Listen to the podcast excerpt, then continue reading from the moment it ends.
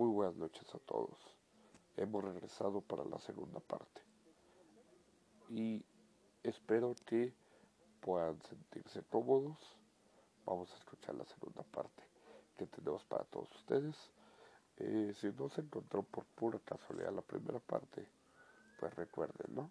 Esto está tratando de esas experiencias de terror dentro del ámbito laboral. Así es. Que nos pueda llegar a pasar en fábricas, tiendas, ¿dónde más? A ti nos, nos acompaña Vía, como la vez anterior. Hola, buenas noches a todos, ¿cómo están? Hola, muy buenas noches a todos, ¿cómo se encuentran? Esta noche que sigue siendo bastante frío. Ahora ya no estamos en la intemperie. No, ya no, nos tuvimos que meter a un este cuartito porque la verdad es que sí hace demasiado, demasiado frío. Es insoportable esta vez. Efectivamente. Eh, yo creo que continuamos con la parte este 2 del, del podcast que nos habíamos quedado pues pendiente, ¿no? El tema que habíamos hablado sobre pues las experiencias laborales, ¿no? Que nos ha pasado, lo que hemos visto, lo que nos han dicho, ¿no? Entonces, pues creo que ibas a proceder antes de la pausa. Sí, de hecho. bueno, este, pues como recordaremos, ya estamos en el mes de abril y seguimos, este, bueno, de esta temporada cero vamos a empezar con esta gran festividad que es el día de del niño el 30 de abril aquí en México. Y bueno, este mes lo vamos a estar dedicando como que a sucesos con pequeñinos. Y sí, aprovechando, ¿no? De que eh, pues va a haber los siguientes dos temas, digámoslo así. Uno de ellos es las estancias, donde supone que te dejas en manos a tu hijo para que lo cuiden, para que lo críen, desde lactancia hasta, ¿hasta qué? Hasta prekinder. O sea, la verdad es que les das enteramente la confianza a esas personas, ¿no? Pero no sabes qué hay detrás. Exactamente. No sabemos qué hay detrás, entonces ese será el siguiente tema. Y prácticamente abril pues se lo vamos a dedicar a, a los niños. Exactamente.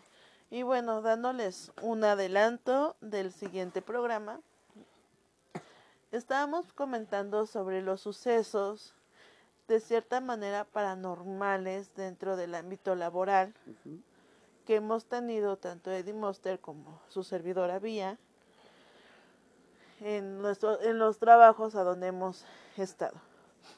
Eh, refiriéndonos un poco también al tema del, del niño, yo también estuve trabajando hace mucho, mucho tiempo en una estancia. De aquí viene todo.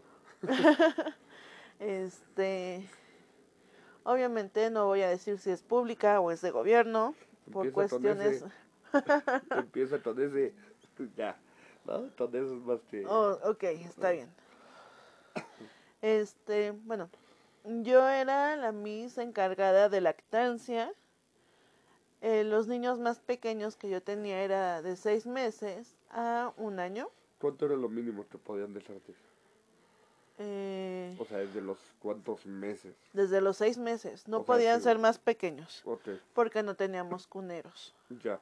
Entonces, este, a los seis meses, pues ya el niño tiene como cierto sostenimiento en su cabeza, ya es más despierto, vamos, ¿no? Entonces, este, en mi salón, pues estaba habitado como de un cuarto para una habitación para bebé.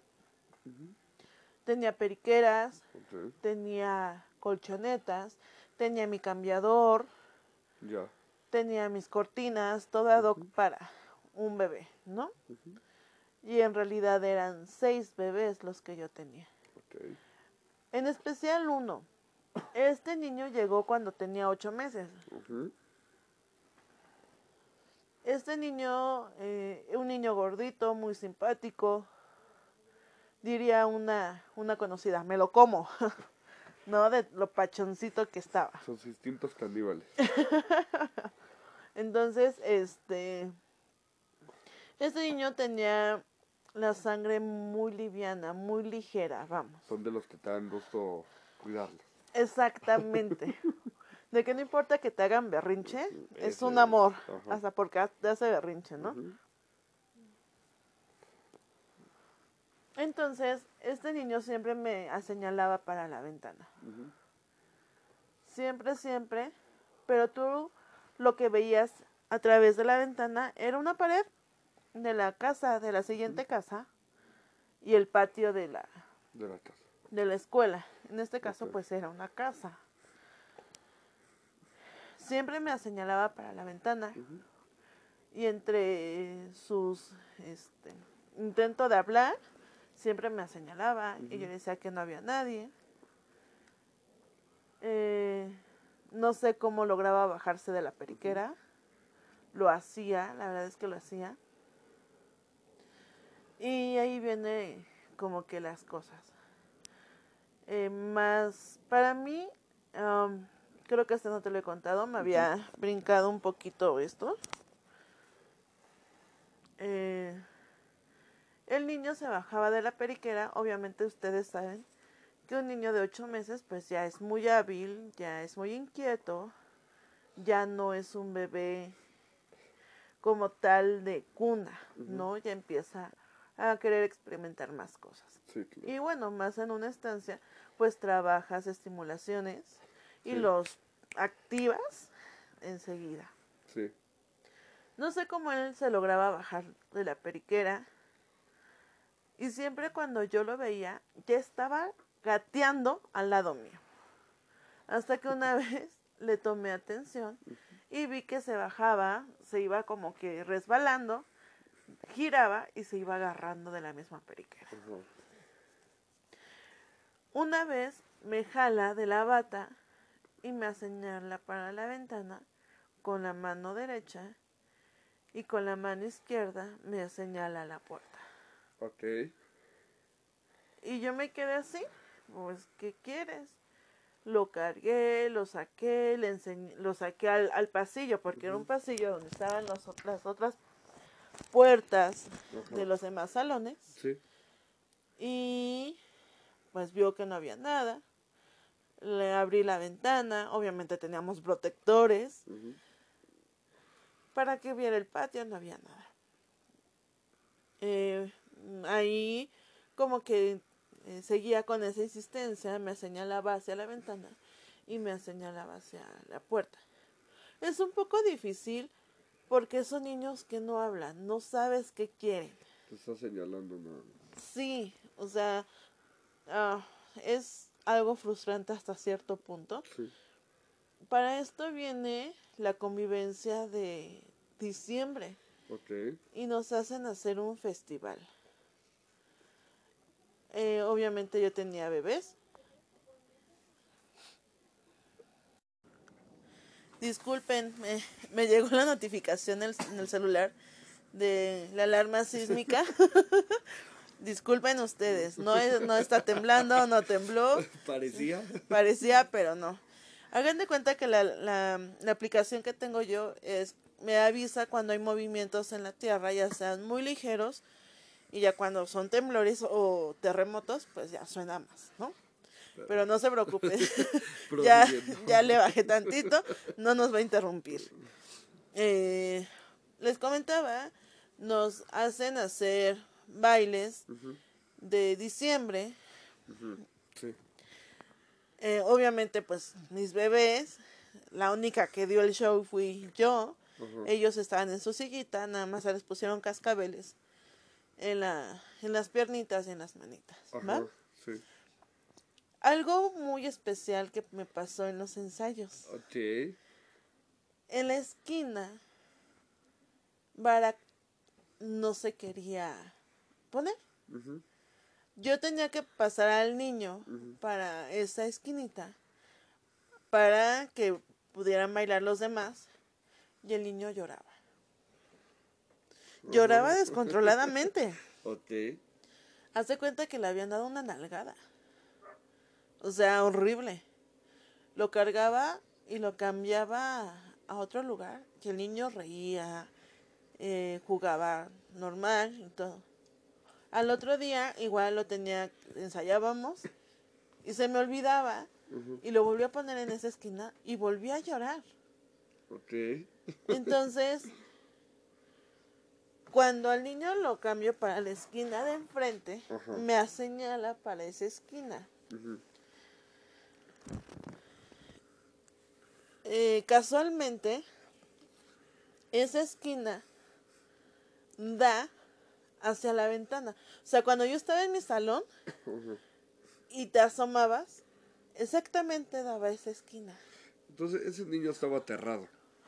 Sí, yo, yo creo que veía algo y lo sentía realmente. Bueno, mi salón como era el más adecuado para dormir, porque en el siguiente programa les explicaré una rutina que se llevaba en esa guardería. Em, se acostaron los peques y siempre, siempre estábamos cada quien de las mises con su grupo, obviamente dormido. Nosotras teníamos prohibido hablar, todo más que vigilar a los niños. Aquí viene algo chistoso, o algo, no chistoso, sino algo que sí te deja mucho que pensar. Estaban durmiendo ya todos los niños y de repente se siente una un airecito Ajá. y los niños empiezan a llorar todos al mismo tiempo, a despertarse, pero su llanto era como si se los hubieran sonado, o sea, que les hubieran dado una nalgada. Obviamente los más bebés pues no te decían nada, solamente lloraban. Pero también se dormían acá con nosotros niños de eh, pre-kinder, que son los niños de 3 a 4 años. Obviamente ya hablan, Ya saben exactamente.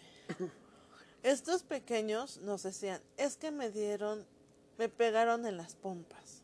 Entonces ya, ¿cómo te vamos a pegar en las pompas? Aclaremos una cosa, esta estancia tenía cámaras en los salones. No había manera. Eh, obviamente se checaron la se checó la grabación porque pues obviamente el niño iba a salir a- con su mamá y le iba a decir mamá estaba dormido y me pegaron no pues obviamente ya te iban a, a tener ibas a tener consecuencias. Se checó la cámara y se vio cómo se abre la puerta y cómo un es que no sé una no sé cómo explicártelo una luz no sé algo una sombra más bien una sombra empieza como que a nalguear a todos los niños y enseguida se empiezan a levantar llorando los niños pasa eso, no le, tono- no le, ton- ten- no le ponemos mucha atención. Pero si era un tema entre nosotras. Llega el festival de diciembre y bailamos, hacemos todo nuestro show y la mamá de Barack se pone en esa esquina. El niño obviamente bailó, disfrutó el baile. Al momento de yo pasárselas, porque obviamente dije, no lo voy a poder hacer sola, les dije a sus mamás que se pusieron en cierto lugar y ellos iban a, ellos iban a agarrar a sus hijos, que me ayudaran con eso. ¿Tenían el conocimiento las mamás de lo ocurrido? No, Ok. en ese momento no. Ok. Eh, la señora se para en la esquina. La mamá de Barack lo carga. Y el niño le hace un berrinche de aquellos. Sí, estaba aterrado el niño. Y no quería estar. Y se le bajaba. Y no quería estar. Y no quería estar. Pero el único. Sí, era el único. Ok. Me, me acuerdo. Y le digo a la señora, pásese para acá. Y el niño automáticamente hace cuenta que le dieron un dulce. Tranquilidad total. Sí. Y dice su mamá, ya acabando todo el, eh, la kermés y todo que se hizo ese día. La mamá, las mamás, pues, son agradecidas algunas personas y te dan tu detallito. En este caso, la mamá de Vara me da mi detalle, me dio una taza, creo con chocolates, y me dice, Miss, ese lugar a donde me puso al principio es muy frío, porque hace mucho frío. Me tuve que ir a poner mi chamarra. Y me mació un sol de mediodía a todo lo que daba. ¿Sí? O sea, nada frío. Sí, sí, sí. De hecho, en ningún momento en una de las esquinas del patio daba sombra. Ok. O sea, literal, el sol estaba arriba de nosotros. Yo me quedé así. Entonces, ese lugar en específico, Miss, es muy frío. Entonces empecé a platicar con las demás misses y se dice, Miss, mientras yo pasaba también se sentía como una corriente de aire ahí. Qué raro. Entonces, escuchando eso las directoras y mis compañeras, pues lo tuvimos que poner bien sobre la mesa. De los eh, Exactamente. Esa, esa estancia era una casa y era una casa rentada. Entonces, ahora eh, pues es que normalmente ese tipo de estancias tenía que hacer eso, porque tenía que ser algo económico. pero no en una casa rentada, caramba. Pero es que entonces si no en una casa rentada era en tu casa. La tenías que habitar. La tenías que hacer una estancia finalmente. Ya te contaré en el siguiente. El por qué. Ok. Eh, la Miss, la directora, decide hablar con la dueña de la casa y decir lo que está pasando. Digo, fue un niño, pero ese niño movió muchas cosas. Ese niño te hizo pensar muchas cosas. Sí. Hablamos, tuvimos una junta con, con esta señora y nos comenta pues que esa casa solamente vivía él y su esposo. Ellos nunca pudieron tener hijos porque el señor el señor era estéril.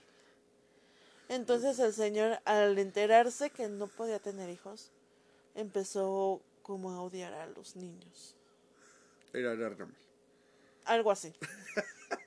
De hecho.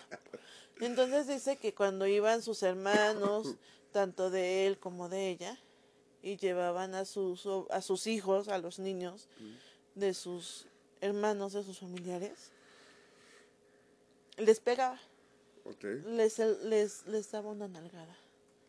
Al grado que pues los niños le tenían miedo y cuando iban a casa de ellos, los, los niños se sentaban, no jugaban, no nada.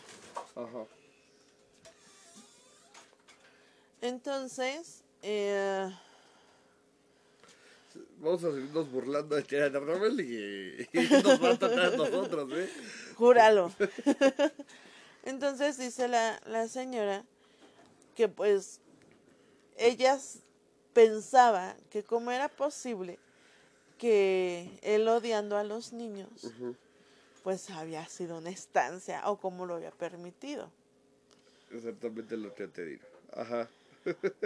Eh, la señora vio los videos, se quedó sorprendida porque en el video de, de Navidad grabaron esa esquina. Y la señora nos dijo que estaba su esposo. La señora se puso a llorar, le pidió perdón a su esposo por haber prestado la casa o rentado la casa para estancia. Y se le hizo una una misa eh, pues ahí adentro de su casa para que pues el señor pudiera descansar cuando estábamos en la misa la señora ok ¿Cómo le podías llamar eso? La, el sacerdote en ese, en ese momento, antes de terminar la misa, le, le dijo a la señora que pues le pidiera permiso a su esposo para que pudiéramos estar este pues ahí. Y así fue. Ya el sacerdote eh, echó agua bendita por toda la escuela. Y para como si nada ya después Barak se le iba una pelota, a- te digo, en ese momento gateaban, se le fue una pelota, no fue, pero tampoco lloró, tampoco hizo otra cosa. Y se sintió más, más relajado el ambiente. Y ya después de ahí, pues me salí, pero fueron por otros motivos. que igual te comentaré la siguiente, Ok, ok. el siguiente programa. Y bueno, creo que esos son los más significativos para mí en el ámbito laboral. Ok. Bueno. eh, vamos a proseguir con el, con el, con el mío. A ver, Esperemos. a- Vamos a mover un poquito a ti. Ah, ahí está. Ya, creo que me escucho. Bueno. ¿Cuál es el procedimiento? Vamos a mantenerlo de los niños. Eh, creo que uno de los, de los trabajos que yo he tenido aquí, pues definitivamente ha sido como elemento de seguridad.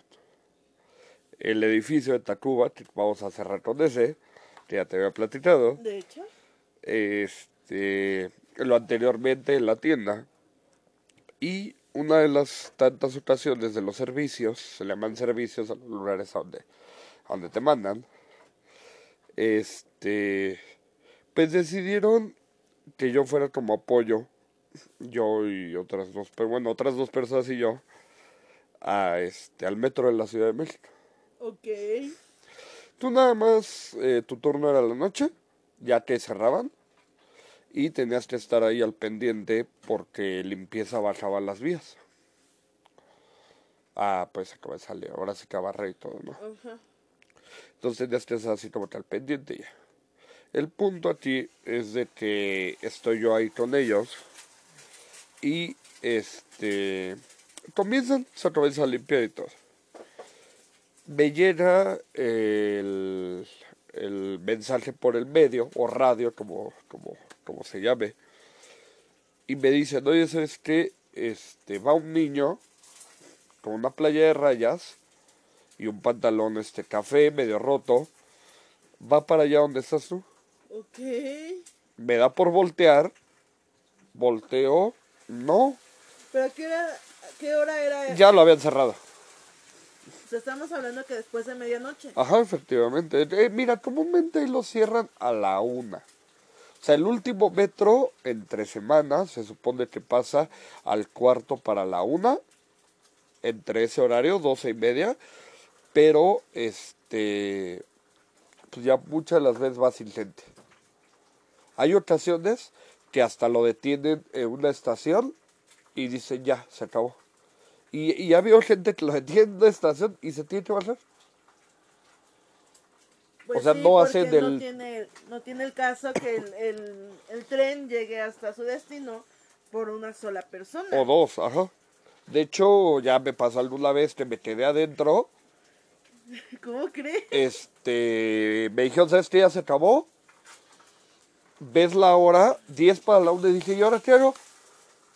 No es lo mismo llegar a Rosario, a Rosario, ver cómo te mueves a tu casa, Exacto. atearte el, no sé, el, el aeropuerto, un ejemplo, por decirte una estación, qué joda. o tearte el Tacuba, o tearte en alguna estación así. Entonces, de hecho, esa fue una experiencia graciosa porque yo le dije, oye, ¿sabes qué? Mira, chétate la hora, ya no hay transporte, déjame quedarme.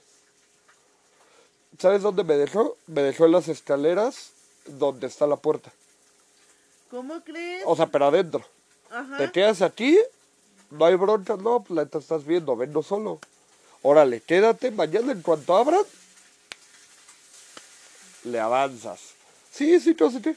Al otro día normal, tempranito, espérate pasar a llegar a Rosario y mira, a mi casa. Ya yo soy uno de los claros ejemplos que sí te puedes quedar dentro del metro. Pero qué miedo. No, pues claro, o sea, pues imagínate. Qué miedo y qué joda y qué frío. La, la ventaja qué que, hambre. sí, la ventaja que tú tienes ahí es que ves eh, limpieza toda la noche, andan de frera. Entonces Sí. como que más o menos te, te distraes, ¿me entiendes? Bueno, regresando al, al tema. Me dicen, es que va un niño para allá. Volteo. Cuando yo volteo, le digo, no, va para la zona de vías. Y el de vías inmediatamente contesta, asustado, de hecho hasta se le estaba trabando la voz. No, acaba de subirse al andén. El andén pues es donde subes para esperar. El punto es de que todos lo vimos. Pero eran movimientos muy rápidos del niño. O sea, cuando tú ya lo habías visto en el andén, el otro ya lo había visto pasando por las vías. No Eran movimientos así. No te lo explicas porque tú sabes que niños, y luego ya en el metro, y esa hora te ya cerraron, es sumamente complicado. Sí. Sí ha habido casos, y la gente no lo cree, ha habido casos que hay gente que se pierde dentro del metro. De entre tanta gente, ¿y ahora para dónde? ¿Y se les borra el cassette? ¿Y qué se, qué se hacen esos casos? Terminan siendo este, indigentes. ¿En serio? porque se les borra totalmente el, el quiénes son. ¿Por qué? Por la histeria de, de tanta gente, por la histeria, por la, por la histeria de, de no saber qué hacer. ¿Me entiendes? O sea, la histeria de saber qué hacer, El, el miedo de que no saben. de, de, que, de que un ejemplo, yo iba para Tacuba y terminé en Pantitlán. Y ya no saber qué hacer. Se convierten en indigentes, automáticamente el metro no puede hacerse responsable. Y si no tienes familiares, peor aún. Porque a ti le marcan, a ti le dicen que venden por ti. Sí, porque se les olvida. de la histeria, del miedo. Entonces, no te estoy hablando que sea 100 personas cada semana, no, pero es una cada cada dos meses, yo creo. Entonces, pasa eso y de hecho dentro de todo esto existe la, la leyenda de la niña caníbal de Tacubaya. Esa no me la sé. Este, Es una niña de la misma manera que se pierde, pero lo que hace la niña es ponerse como viva y dice, a ver, ¿y si yo camino sobre las vías? Comienza a caminar, este, se dan cuenta, o sea, el- bueno, al principio más bien no se dan cuenta, pasó el tiempo y vive ahí. ¿Y nadie se daba cuenta? Nadie se evacuó. ¿Por qué? Porque se comenzó a meter, a meter, a meter, a meter. Hay zonas donde limpieza ya es muy complicado. Que ande Ajá. caminando. Es muy, ya muy, muy complicado. Entonces, limpieza lo que te hace es bajar a vías, entran un poco al túnel y se regresan. No hacen más. Entonces la niña comienza a, a intentar eh, sobrevivir ahí adentro. De hecho, dicen que uno de los tantos casos eh, está las coladeras arriba. La niña comenzó a subir, tenía hambre, pues se llama nivel, tenía hambre. Ve a una persona sobre la coladera, golpea la coladera, se abre y cae la persona. Cae la persona casi inconsciente, este, fracturada una pierna. Y la niña prácticamente se peleó a la persona entre las ratas y ella. Porque ya es una zona donde ratas hay de de. O sea, ¿por qué? Porque por ahí bajan por el... Por el... ¿Drenaje? Ajá, y hacia donde está el metro. O sea, ya es una zona donde está infestado de ratas. Tiempo después, resulta que la encuentran. Y este. Y ya medio la, medio la sacan a la, a las, a la, a la niña. La llevan a un psiquiátrico. Y ya muere de grande la, la niña.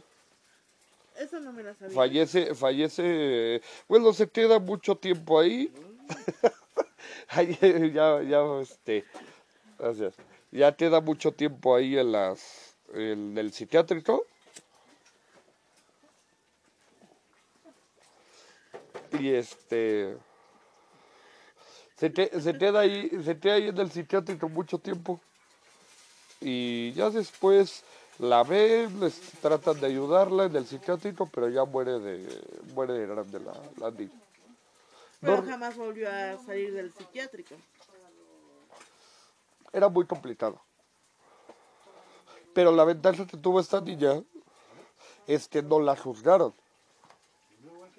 O sea, a pesar de que, a pesar de que tuvo, era este prácticamente, ¿cómo se le llama? Juzgame, que te había hecho la persona un intento de, de homicidio. Intento de homicidio, pues sí. Este, de cierta manera lo que hicieron es no juzgarla, tratar de ayudar, pero hasta ahí quedó.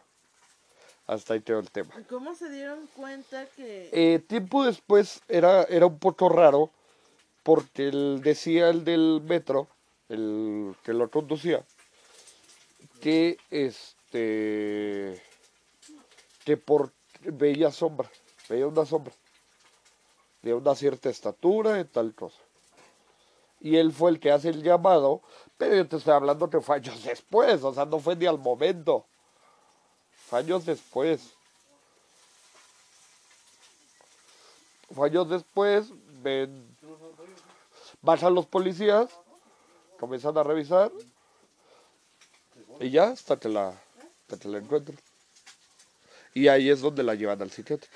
Pero qué impacto de, ¿Y, sa- y sabes a qué psiquiátrico es? Ahorita ese psiquiátrico eh, creo que ya cerró, ya no funciona como tal, pero estaba en la Ciudad de México.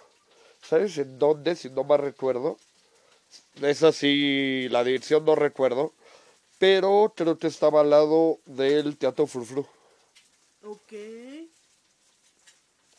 Estaba al lado del Teatro. Todavía digo, hace, hace pues, muchos años a mí me dijeron que ese lugar tú pasabas y escuchabas pura música clásica. Y se escuchaba hasta afuera en la calle.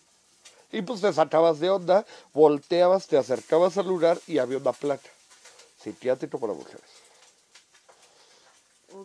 Si no me recuerdo, está ahí en el Teatro Frufru. Al, casi enfrente del Teatro Frufru. Ese Teatro Frufru pertenece a Irma Serrano. Si no me falla la, La la memoria. memoria. Ya para. Ya para terminar esto, porque se va a hacer igual de largo que el de ayer. este. El, el edificio de Tacuba, que yo te había enseñado, de hecho, este sí existe, sí está ahí. El que lo quiera revisar es un edificio muy grande, está en la mera esquina de del Henario contra esquina del aro Cuila, Cuila, Cuila, el lago Cuila. Este, me acordé ahí de un de este, pero no, ya, eso, eso es otros temas.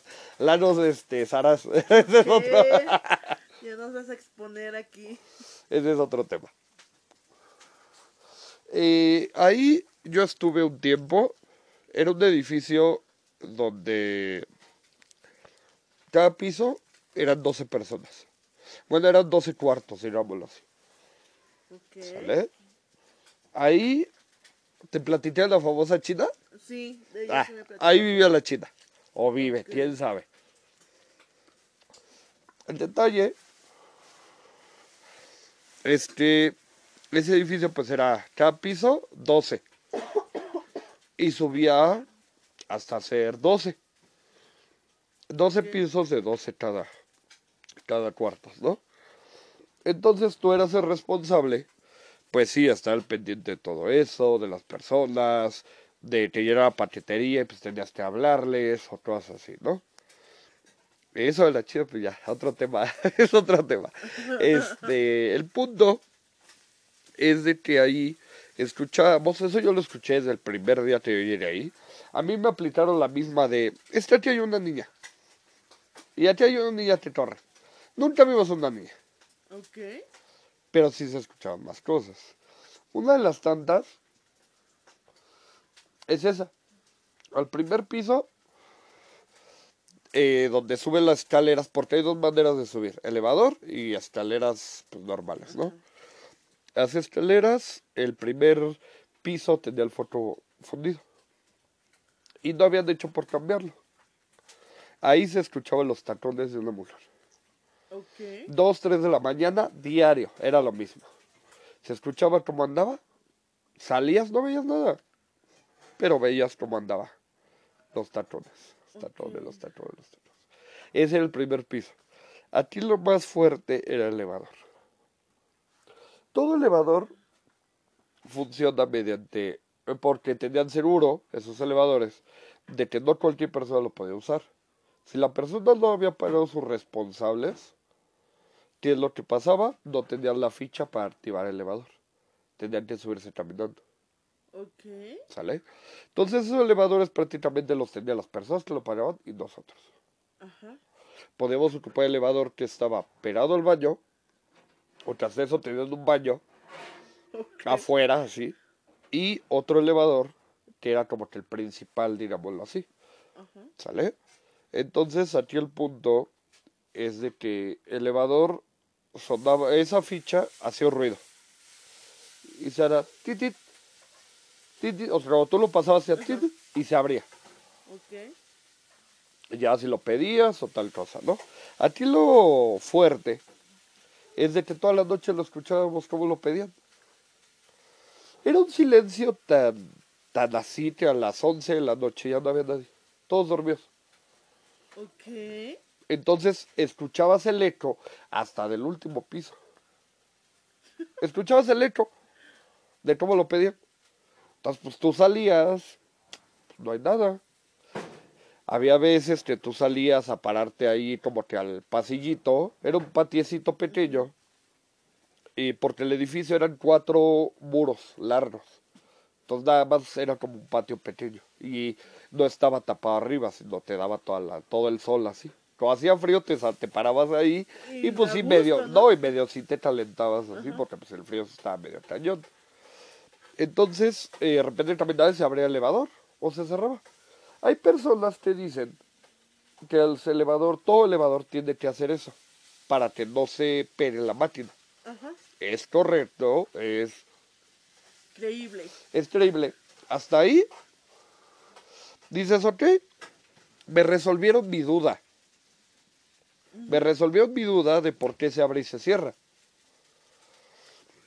Una de las tantas cosas que pasaron ahí, el del último piso ya se iba, comenzó a bajar sus cosas por el elevador. Nosotros teníamos cámaras, entonces veíamos quién subía y quién bajaba. Ok. Ya, lo vimos bajar, fue a dejar sus cosas a la, a la camioneta, estaba entrando y saliendo, entrando y saliendo.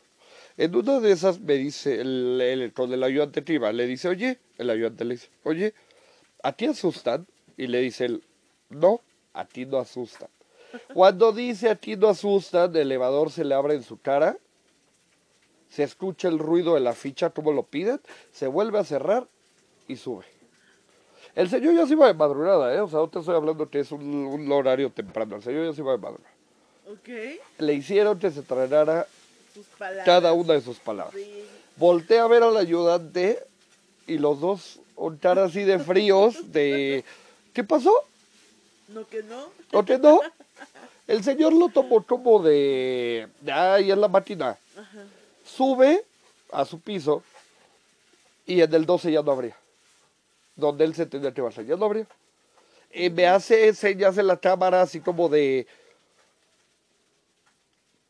Friera subir 12 pisos por el- las escaleras porque está ocupando uno. Entonces subes en friega por las escaleras, llegas ahí, lo pido y me abren las puertas. O sea, la bronca era con él. La bronca era con él por haber dicho que ahí no pasaba nada. ¿Qué te pasa, estúpido? Aquí O sea, estoy. sí, así, de verdad, así era. Vaya el señor, deja sus cosas, se retira. Y una de las tantas que os pasó es de que se escucha como lo piden, a la, eran como 3 de la mañana, lo piden al cuarto piso, sube el elevador, lo vimos, abre, cierra y se queda ahí en el cuarto piso. No hizo otra cosa. Vimos claramente que alguien sí lo había usado, pero la cámara no sabía nada. Desde ahí comenzó a pasar eso. Eso te lo había contado, vamos a usarlo ya para que ya terminarlo. Una de esas, subo yo como al décimo piso y se escuchaba la música. Tienes, tú sabes que ir a tocarles, porque era jueves. Ahí este sí tenían el permiso de viernes y sábado, pero a 3 de la mañana se ves- acabó. ajá. O sea, ya, ya, ya, se acabó, le tienes que bajar, compadre, ya está. Subo, ya era más tarde, subo a decirle que, este, que le bajara la música. Pero cuando yo subo, voy saliendo del elevador, veo una persona que sale corriendo. Dije, no, pues tienes que salir en frena. Eh, son cuatro pisos, bueno, son cuatro muros, perdón. Pero el último muro está conectado con el- la otra parte como el edificio. Ok. Son como dos, dos edificios grandes, pero lo divide como un muro y un pasillo. Salgo yo de la vuelta, No había nadie. ya. Comienzo a pedir radio a las cámaras de elevador, a que subían a los pisos. No ves nadie. Voy con el de la música, le toco, oye, mira, me dice, te voy a decir algo. Le digo, ¿qué pasó? Ya me habían venido a tocar dos veces. Y yo sé perfectamente que ustedes vienen, tocan, y hay veces que si no salimos, pues lo dejan así, o sea, lo dejan así, o sea, yo sé que ustedes, pero ya vinieron dos veces, y tú ya eres la tercera, y estoy yo solo aquí. Con mi música, estoy tomando, no hay bronca, aquí estoy bajé, no pasa nada, yo ahorita ya lo paro. Sí se me enfrió la. No quería agarrar el elevador. me daba más miedo el elevador. y decidí bajar por ahí y comencé a silbar. Con el, nos dan un silbato. Le llaman de otra manera. Pero comencé con el silbato. Todos los pisos. Nadie salió. Nadie subió. Nadie ocupó el elevador. Nadie nada. Tiempo después nos comentaron que ese edificio lo habían construido en un baldío. ok. De, del baldío tú sabes qué pasa De todo. de todo. Así es como, como termina la triste historia de ese edificio. No le pude hablar a la china. Porque, bueno, esa es otra historia. Tuve mi oportunidad, pero bueno, ese es otro- más dormido que despierto. Pero bueno. Pues sí, así se termina la segunda parte. Próximamente, pues ya. Yo creo que grabamos el otro viernes o jueves. Mm, Viernes. Pero yo creo que lo vamos a hacer remoto, ¿no? Vamos a hacer vía remota. Este, pues ya, para grabarlo. Vamos a ver cómo va funcionando todo esto. Y pues nada. Este, vamos a agradecer a cada una de las personas que ya está este, pues dando la oportunidad. Pero es que es nuevo. Nuevo recién llegado. De hecho. Y este, pues tengo dentro de los planes abrir la fan, la famosa fanpage de Facebook Ok, perfecto. para darle este movimiento a todo esto, Sería, creo que lo más viable. ¿no? Entonces, pues nada, pues vamos a agradecer a todas las personas que han estado escuchando todo esto. Este, tú tienes decir algo más. Pues agradecerles a cada uno de ustedes que nos está escuchando. La verdad no se van a arrepentir. Eh, es algo diferente. La verdad es que... eh, ah, ¿Cómo explicarles? es algo diferente, es un contenido diferente porque no es totalmente de terror, no es una mano peluda, no es Una mano pachona. una exacto es vamos a hablar de diferentes temas pero sin salirnos del contexto Ajá, efectivamente. ok eh, denos la oportunidad en verdad y los que nos están escuchando muchísimas gracias y que pasen una excelente noche Vamos a hacérselo llegar a las bis, ¿no? ok está bien Y ahí sí, ellas pues quieren. Igual ellas nos ayuden y se puede hacer hasta una tercera parte. me parece perfecto la verdad es que sí ¿Estás de acuerdo conmigo? muy de acuerdo contigo la verdad es que sí me parece muy buena idea Pues que pasen excelente día, tarde o noche, depende del caso que lo estén ustedes escuchando. eh, pues vamos a ver la página y se los estaremos dejando próximamente. Y recuerden que Belcebú los acompañe en su camino. Por el día de hoy hemos terminado la ceremonia. Todos pueden ir en paz a sus domicilios. Muchas gracias. Hasta luego.